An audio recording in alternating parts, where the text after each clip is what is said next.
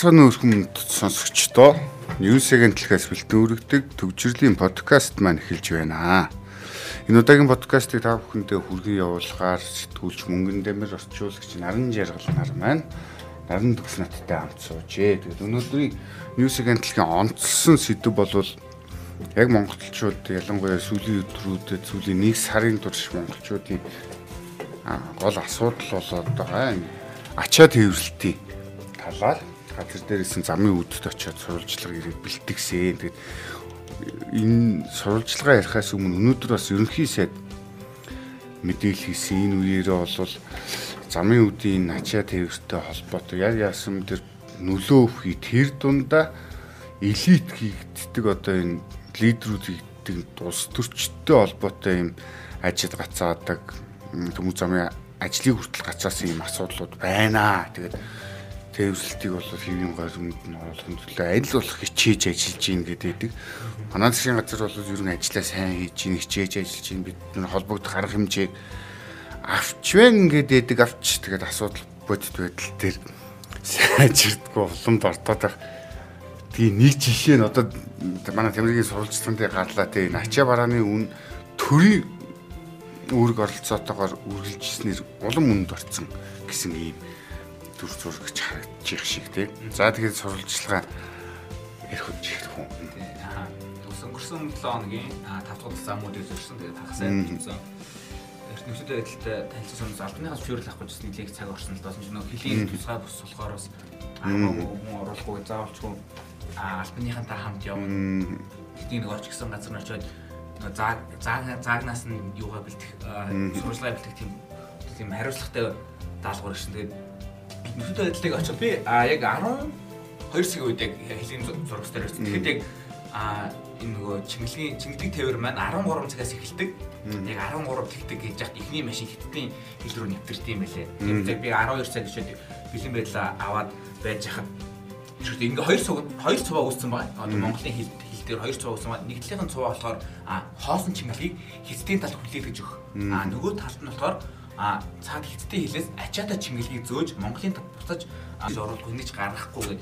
Тэг яг жолооч нар дээр нэг зүйл анзаарсан говь яг миний өцөө өдөр айгүй халуун байсан. Тэгээ кавинда нөгөө жолооч нар бас жоохон хөвчин байдалтай тий цонхоо онгойлгосон нөгөө өөртөө нэг сэвсэн байдалтай байс. Тэгээд яг 13 цаг 12 цаг ер нь 50 минут гэхэд калимар гэдэг юм том контейнер зөөж болгодог юм машин байт юм байлээ. Тэр машин болохоор эхэлж хятадын хил рүү нэвтрээд тэгээд нөгөө чиглэг ачааны талбай гэж байгаа. Хятад Монгол хоёрын хил дээр гол гол байгуулсан. Тэнд очиод ер нь контейнеруудыг машинууд зөөхөд бэлэн болгох юм бэл. Тэгээд яг 13 цагт эхний машин яваад хилийн Монголын талаас хөдлөөд нөгөө дундын бүсийн ариутгалын хаалгаар нэвтэрч ороод тэгээд очиод төв талбай дундын талбайгаас контейнераа аваад буцаж Монголын талдаа ирээ. Тэгээд ийм их зохион байгуулалтад явд юм байлээ. Тэгээд яг албаны хүмүүс хэлжлээсэн л да. Ерөөдөө нөгөө өмнө болохоор хувийн хөвчлүүд а хувь иргэд болохоор энэ ажлыг хийдэг байсан. А тэгэхэд болохоор жоохон эмх замбраагүй байдал үүсдэг байсан. Халдвар хамгааллын дэглэм сахигддаггүй байсан. А үүнийг засахын тулд төр ингэж дотоодын цэргийн анги гэж байгаа. Дотоодын цэрэг гэхээр бас би яг зэвсэг хүчний 25 а хилийн цэргийн 25 а онцгой байдлын 10 албаач ингэ нэг 60 жолооч яг юм чимлэг ачаа цэвэрлэх үйл үйл хэрэгт оролцсон юм. Тэгээд ингээд бас ингээд жоохон зохион байгуулалтад явж байгаа энэ дээр болохоор а иргэдийн иргэдээс ямар ч төлбөр авах байгаа төр бүхэн зардлыг дааж байгаа. Эхийн тэг цэгээс а логистикийн төв хүртэл энэ зардлыг төр дааж байгаа. А харин логистикийн төвөөс цаашаага одоо игээ Улаанбаатар ч юм уу Сэлэг гэдэг юм уу Доронт гэдэг юм. Энийг болохоор а зуучлалын компаниуд Тэрвэр зуршлын компанид хариуцж байгаа. А энэ дээр яг нөгөө үнийг хөрөл гэдэг зүйл чинь энэ дээр үүсээд байгаа болов гэсэн нэг тийм юу одоо юу гэдэг нэг тийм таамаг маягийн над хэлснэлтэй хүмүүс бас жоохон болгоомжлоо ч юм уу хамаагүй юм ярихгүй лээ. Тэгээд а би энэ тээвэрлж очижсэн төв дээр нь очисон бас гайлын хэн шалгалтаас айгүй сайн өгсөн юм байлээ. Ингээд контейнер нэг нэгээр нь тавиад шалгаад үзээд ингээд явдсан юм байлээ. Тэгээд тээвэр зуршлын компани хинжээ ингээд тус тусыг бүхэхтэй. Тэгээд тэрнээс гайлын бүрдүүлэлтэйгээ гайлхандаа аваад материал өгөө шалгуулад а тэгээд энэ контейнер шалгацсан юм олголтын цэгвэргөө бүрэгдэн олголтын цэгвэр болохоор нэг машин руу ачна ийм байлиг. Тэгээд би бас бас албаныхын үгээрээс яваад иж болохгүй гэдгээс ойлгоод бас жолооч нараас юу авсан байр суурийг авсан борхон тал тэгээд яг зам уудад үйл ажиллагаа явуулдаг хоорондын тээвэр гэдэг юм холбоо гэдэг юм л холбооны төлөвлөгч ган очир гэдэг нэг ах ู байсан. Тэгээд ах ู гээс яхад болохоор ах ู болохоор хэлж хэлээ л дээ. Ерөөдөө төр юм а үний тээврийн зохицуулалтанд орсноор үн буураг улам нэмэгддэг болсон. Бид нар өмнө 45 сая төгрөгөөр 210 м куб ачааг ачаад хүмүүс үнэтэй байна гэж айгу одоо юу эсэргүүцдэг те зургуулдаг байсан бол одоо наа чи 210 м куб би чи 210 саяар ачаад байна. Өмнө болохоор яг ингэдэг байсан юм л дээ. Хар ухаанаар байж гисэн нэг машинд болохоор энэ 210 куб ачааг чинь бүгдийг аччихдаг байсан юм байлээ. Одоо болохоор 3 үсэг хуваадаг болсон. Нөгөө контейнер заавч чингэлэгт ачаач гэсэн чингэлийн багтаамж нь аа юу багтаамж тэгээ юу төглөө хэмжээнээс хэмжээс шатгаалаад их хэмжээний ачаа ордоггүй.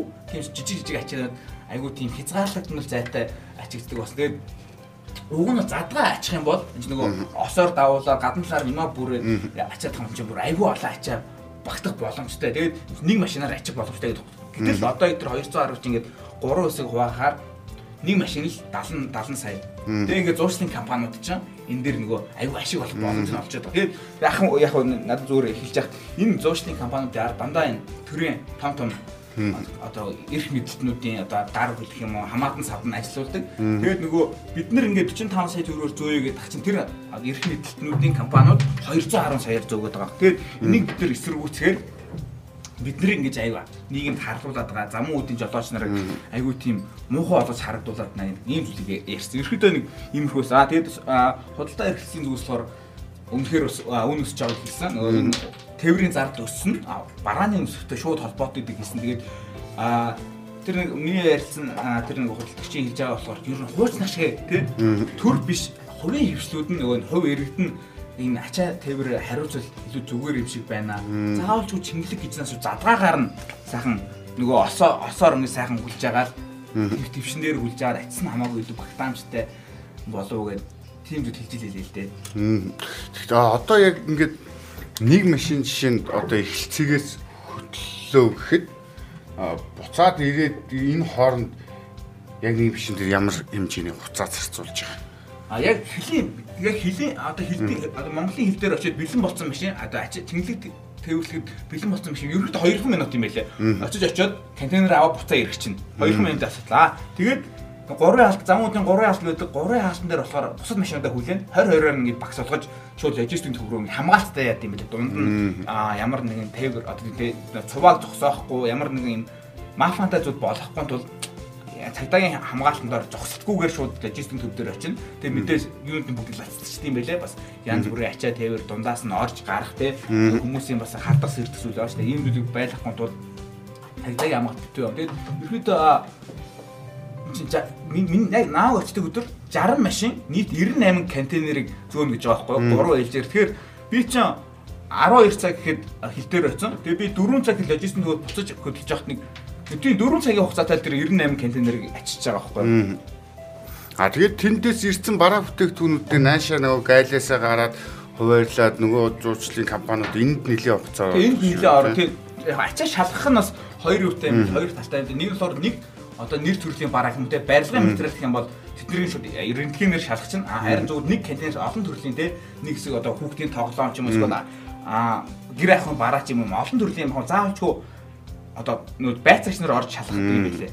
Тэгээд тэгээ энэ дээр жоохон бас жоохон хугацаа авдаг юм санагдсан. Яг хоо энэ чинь нэг хоног юм уу да.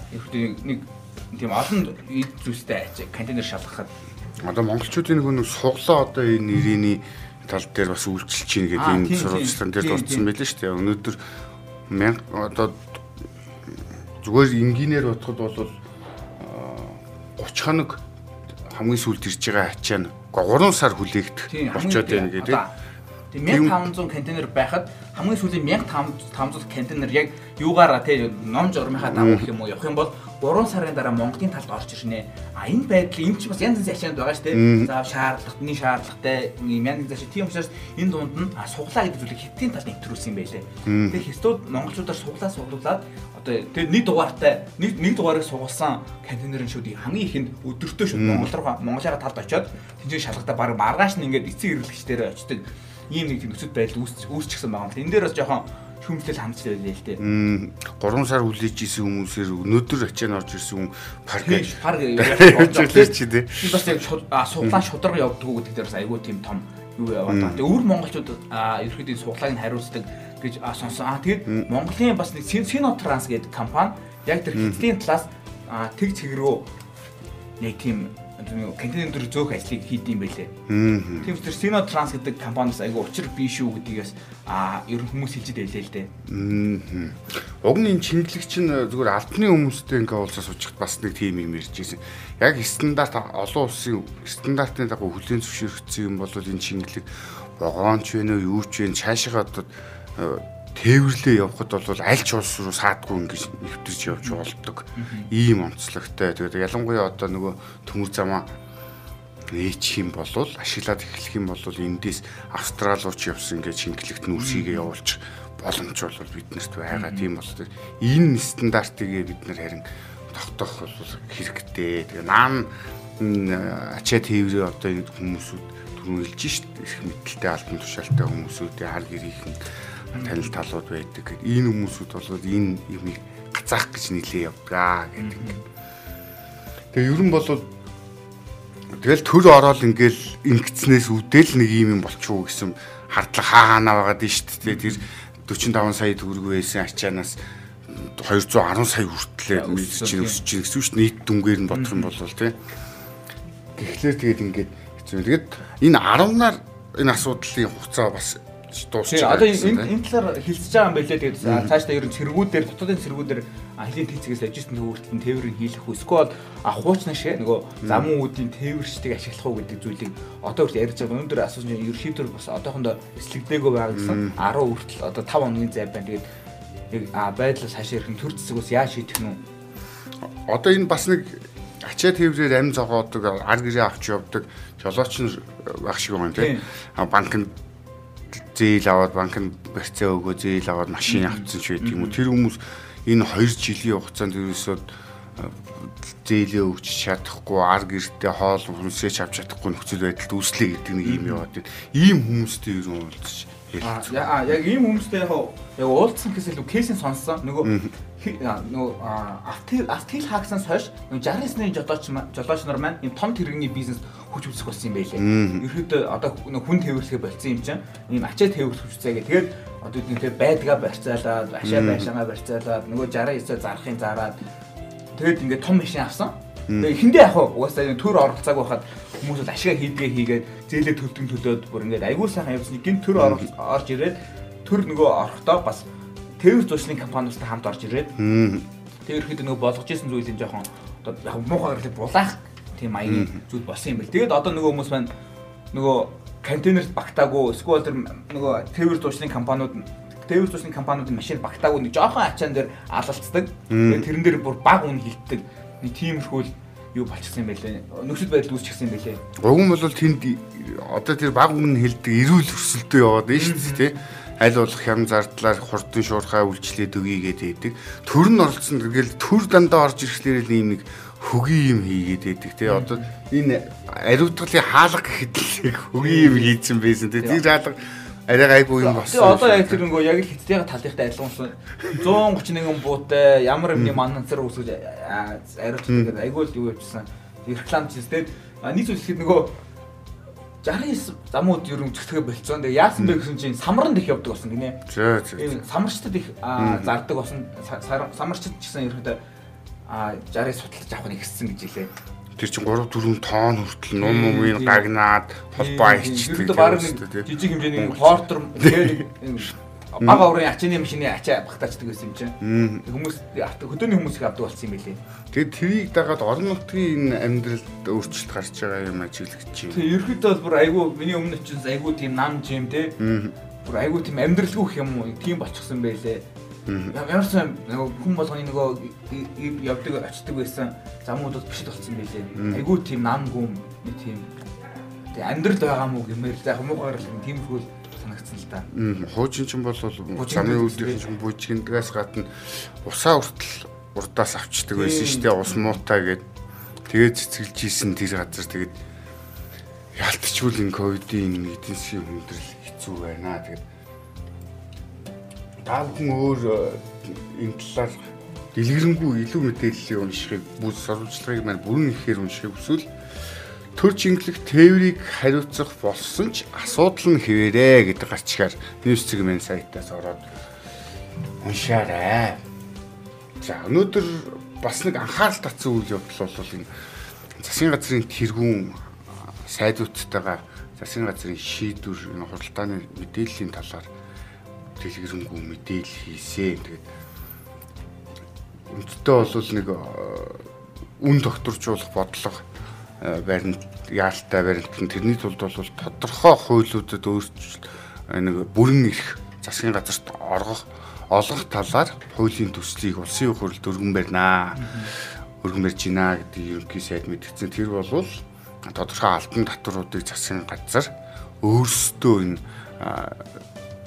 дур мэдэн өөрчилж ингэж шинээр болиулах юм болвол дотоохын дотоос нэмэгдүүлэх нэмэгдүүлэх ийм бодлого ялангуяа энэ импортоор орж ирж байгаа Монголд үйлдвэрлэдэг бүтээгдэхүүнүүд дээр тавих энэ татварыг өөрсдийнхөө эрх мэдэл тавьж байгаа асуудлыг шийдэе гэдэг байдлаар танилцуулж байна. Тэгээд Монгол банкны ерөнхийлөгч ерөнхий сайд холбогдох яамдын сайд нар гэдэг ингээ хичлэн мэдээлэл хийсэн. За тэгээд товчондоо бол ерөнхий сайд засгийн газар маш хүн нөхцөлд ажиллаж байна гэдгийг удаагаар ер нь гаж ирэх болгондоо л хилдэг тэрийг хийлсэн. Тэгээд нэг сони өмнөх ерөнхий сайдын нөгөө би яахгүй байна. Гэхдээ би улс төрийн хөтөл болохоос хайж байна. Ард иргэдээ ингэж хайж байна гэдэг үгийг баг давтаад хэлсэн шахуу. Тэгээд нэг юм яг бодит үр дүнг хүлээж исэн онцгой эдийн засгийн тулгамдаад байгаа асуудлууд одоо валютын ханшны өөрчлөлт, төгрөгийн аншны сулралт, инфляц энэ юмнуудад бол жинтэй ингээд тодорхой яг ямар арга хэмжээ авах талаараа бол хийлсэнгүү муухагаар хэлэхэд бол нэг хэрүүл жайлын их нэр шиг л э, сэтгүүлчтэй асуултанд хариулсан байвсан байдалтай байж байгаад өндөрлөө 2 цаг гарan явсны эцэст бол тэгээд яг хариуцлага хинтээ тооцох вэ? Ажлаа яаж хийх вэ? гэдгийг бол явн явж бол энэ бол өмнөх хүмүүсийн хийж исэн юмтай холбоотой ус төрчнөртэй холбоотой гэж нэг хэлж үзлээ. За тэгээд энэ сахал эрдэнэлэг гэдэг хүнийг дахин ярьлаа. Тэгэд яагаад нэг ийм асуудал хариуцлага ярих тоолонд хонглын шүүгч гэдэг юм уу, хонглын юм хэсэг бүлэг юм юм руу чихээд өнгөрд юм би одоо 6-гийн 6 жил барьсан манайхаа адаглаад энэ ажлаа хийж чадахгүй байгаа хүмүүстэй хариуцлага тооцооч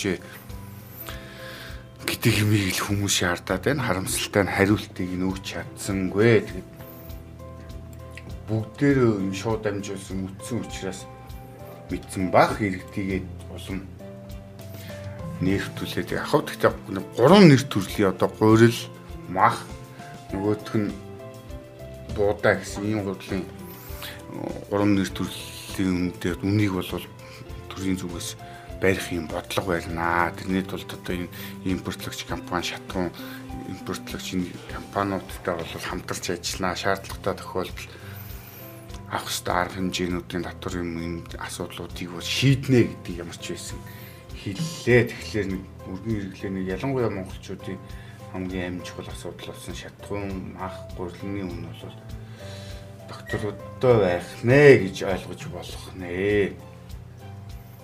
За харин энэ асуудалтай холбоотойгоор өмнө ч гэсэн одоо иргэдрүүгээ нэг л э, асуудлыг одоо хариуцлага үүрэх хэрэгтэй байна гихчлэн шаарддаг. Энэ талаар бол улсын хурлын дарга өнгөрсөн 7 хоногт одоо иргэд тансаг иргэлийг танах хэрэгтэй байна гэдэг ингээд байгаа. Энтэй холбоотойгоор өчигдрөөс эхлээд бас залуучууд өөрсдийнхөө байр суурийг төв талбайд илэрхийлээд жагсаад эхэлсэн. Тэд нар бол ганц л юм хэлж байгаа энэ хугацаанд бол эдийн засаг хүндрээд одоо аж ахуйн нэгжүүд зүйтэй дампуурхан дампуураад ийм байцсан гэрийнхэн доотлын байранд гудамжныхаа дэлгүүрт те байгаа дэлгүүрүүдэд өргүү хүн алгаа, өрийн дэвтэрэн зузаарчлаа. Ийм байхад бид нарыг хэмнэлтийн бодлого барай хэрэглээгээ танаа гэж юу яриад байгаа юм бэ гэсэн ундууцалтай байна. А улсын хурлын дарга бол энэ жип их оруулж ирж байгаатай холбоотойгоор долларын ханш бол өссөн, хурцсан гэдэг нэг юм. Ирээвэр бодлоор мэдээлэл хийцэн. Тэгээд уган бодог бол одоо энэ төрийн ордны хашаад өрнөл том том жипнүүд байгаа. Тэгээд энэ чинь албаны тий? Албаны унаа шиг тий? Албаны унаанууд л байгаа шүү дээ. Энэ өөрсдөөсөө жоохон эхлэеч ээ гэж одоо утахгүй тэр рүү шаардтал байх л та иргэд тий. Уг нэг арга хэмжээ авъя үнэхээр тэр ойлгож байгаа хүндрээд байгаа хэмнэлтийн бодлого хэрэгтэй байгаа юм бол адаглал тэр жипнүүдээ одоо дуудлага худалдаанд яадаг юм хэрэгтэй юмд нь зарцуулдаг тий ийм байдалтай. Тэгэхээр дарга нар солигдох толигдох тоолондоо энэ өрөөнийхөө тавилгыг үнтэд тавилгуудыг өөрчилдөг тий насаараа хаан бахын юм шиг нэг давхрыг нь хүртэл саавн бассейнтэй том том дэлгэцтэй тогтчулдаг ийм хөгийн байдлаа болооч ил гэж өстөрч нарт дахин дахин анхааруулмаар санагдаад байгаа юм. Тэгээд за өнөөдрийн гадаад тоон бол Путин төгсшгүй дай ихлүүлсэн үү гэд манай нарны жаргал хийсэн тоон байгаа. За тийм. Дайн яг одоо ер нь бол төгсөн шүү дээ эрт оройгоо. Гэхдээ нэг ягаад төгсшгүй гэж хэлж гин вэ гэдэг ингээ хоёр өнцгөөс энэ дээр гарч ирсэн байна. За энэ царцсан мөргөлдөөн гэдэг нэг юм нэр томьёо гараад ирсэн. Энэ юу гэлээд байна вөхөр одоо арай эрт үеэс нь хөөгд эхлэх юм бол одоо дэлхийн 2 дугаар дайнаас хойш Орос Японы хооронд нөгөө инх тайвны хилцээтэй байжгаад энэ өнгөрсөн сар дуусгар болсон. За тэгээ нөгөө Марантай арлуудын асуудлаас болоод энэ хоёр энэ олон жилийн хугацаанд 70 гаруй жилийн хугацаанд ерөөсөө нөгөө төдийлөн бас сайн харилцаатай байхгүй байсаар байгаад одоо ингээд үргэлжлээ дахиад нөгөө Орос Украины асуудлаас болоод Япон Япончууд чинь нөгөө барууны орнуудтай нийлээд бас хориг арга хэмжээ Оросын эсрэг авчихсан учраас мөн л нөгөө хоёр улсын харилцаа бас л сайжрахгүй төлөвтэй болоо явчихж байгаа. Тэгэнгүүт эн чинь ингээд яг нөө ил тод байлдахгүй ч гэсэн нөгөө тэр үеийн мөргөлдөөн үргэлжлээл яваад л байна л гэсэн утгатай юм болчиход байгаа. За нөгөөтэйгөр бас зарцсан мөргөлдөөн гэж юу хэлж гэнэ гэхээр одоо нөгөө нэг юуг хоёр солонгосын дайныг бас энэ дээр ижил зүүрлэж хэлсэн байлаа. Хоёр солонгос ч н одоо хуваагдаад одоо ингээд инх тайван болцсон юм шиг мөртлөө бас ингээ хоорондоо байнга сөргөцөлтөө сөргөлдөөнтэй байгаа. Тэгэхээр Путин болохоор нэг Украиныг зүүн баруунаар нь хоёр хуваагаад яг энэ хоёр солонгосын түүхийг давтах гэж байгаа гэсэн. Өнөөдөр чинь л хойд солонгосынхан өмнөд солонгос руугаа занл хийж шүүгээ занл хийж шүү дээ тий. Цөмийн бөмбөг. Тэгэхээр одоо энэ түүхийг бас давтах гэж гинөө гэсэн хардлага ч юм уу? Бас ажиглагчдад байх шиг байна. Тийм за тэгээ энэнийг ч гэсэн уучлаарай дондор тавьчихлаа. Манай ерөнхий сайд ч гэсэн бүгдээ авчиулаад авчилсан шүү дээ. Хизээ эндээ үргэлжлэл хизээ энэ хямрал зогсыг би мэдэхгүй. Өмнө нь бол ковидын энэ хямралаар ингэж ерөнхий юм хилдэг байсан бол одоо энэ Украин Оросын дайны асуудлыг бас хэлээд авна л за. Одоо энэ нөгөө Financial Times сэтгүүл дээр бас ингээд хамаглалт дэвшүүлсэн. Тэгэхээр энэ хүмүүс бол эцсийн мөчөд ингээд Путин болоо дайн зогсчихно гэсэн юм найдлагт хийгээд байгаад байгаа.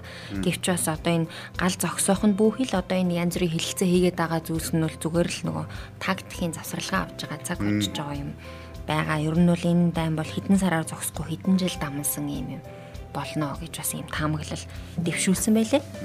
Тэр шинжээчдийн ч бас нэг дүгнэлтүүд гарцсан байгаа харагдчихлаа шүү дээ. Орос бол угаасаа урт хугацаанд энэ дайн төлөвлөсөн. Тэгээ урт хугацаанд хийхээр өөрсдөө сайн бэлтгэгдсэн. Урт хугацааны хувьд бол Орос төлөө ашигтай туснаа гэл тийм. Тий, нэг талаасаа яг ингээд зарцсан мөргөлдөө ингээд энэ одоо яг ил тод байдлаар дайн зогссон ч гэсэн цаашид ингээд бас сөргөлдөөнтэй байх магадaltaй гэж хэлсэн бол нөгөө талаасаа энэ дайны бүсийг тэлсэн ингээд тэгэхээр ерөнхийдөө зөвхөн Орос Украин талаас нь биш бүх дэлхийн талаас нь ингээд том зургаар нь харах юм бол одоо ингээд дайн болж байгаа бүс нутгууд булам томрол ингээл одоо нөгөө баг нөгөө дэлхий чинь тэр чигээрээ дайтахнуудэл гэлтэй юм болж байгаа шиг байгаад байгаа. За тэгэнгүүт одоо энэ жишээ нь Балканы дайныг эстозол 1948 оноос хойш Европын улсууд өөр хоорондоо дайтаж байгаа анхны тохиолдол энд болоод байгаа. За тэгээд ойрхот орнод хойд Африкийн дайнуудыг багтаах юм бол ингээд нийлэнхүүдээ ингээд дэлхийн газрын зураг айгүй томороо ингээд дайнд Оросыг ингээд оруулахаар айгүй томороо ингээд бүгд дайнд өртлөө гэсэн юм бас нэг өнцөг гаргаж ирсэн байлээ тий дайны тэлж байна гэдэг. Тэгээд дээр нь одоо энэ Тайваны асуудал бас их сонирн болж гарч ирж байгаа шүү тий. Тэгэл одоо энэ өмнө нөгөө дайтад одоо дайн бас харьцангуй гал намжцсан юм шиг мөртлөө ингээд бас үргэлжилж байгаа нь ойрхот орнууд Хойд Африкийн орнуудыг харах юм бол дайцсан хоёр тал хоёулаа айл аль нь ингээд ялагч ялагддаг чинь тодроогүй тал талдаа туйлдаа хөрчихсөн эдийн засгийн байдал бүх зүйл нь ингээд э, нийгмийн задарчихсан бүх юм нь их муу нөхцөл байдалтай байгаа. Тэгэхээр энэ юу нь бол э, Украинаас бас ийм ирээдүй харагдаж байна гэсэн мэлээ.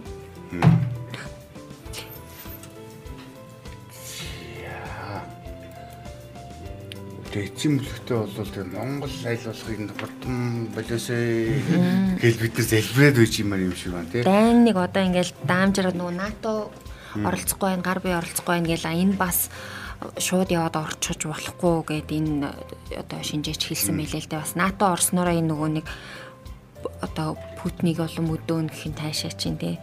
Цөмийн зэвсэг ашиглахаас өөр аргагүй байдалд бас хүргэж болцшгүй тэх юм бол бүр одоо дэлхийн нийтийн аюул болно гэсэн бас өнцөг гаргаж ирсэн байсан. За гэтэл технологийн уулзалтаар энэ асуудлыг хэлэлцэн гэж чинь тийм энэ дээр өөрчилсөн байдлаар ер нь ямар шүүхэн шийдвэр юм гарна гэж тооцоолж байгаа юм бол яг одоо урьдчилсан нь энэ айгүй товчхон мэдээлэл гарсан байлээ. Одоо эх дөрөвт өдөр технологийн гадаад хэргийн сайд нар уулзнаа гэдэг. Энэ уулзалтынхаа дараа бас нөгөө НАТОгийн гишүүн орнуудын гадаад иргэн сайд нар уулзсан гэсэн мэлээ. Дандаа л одоо Орос Украины асуудлаар ярилцсан болсон мэлээ.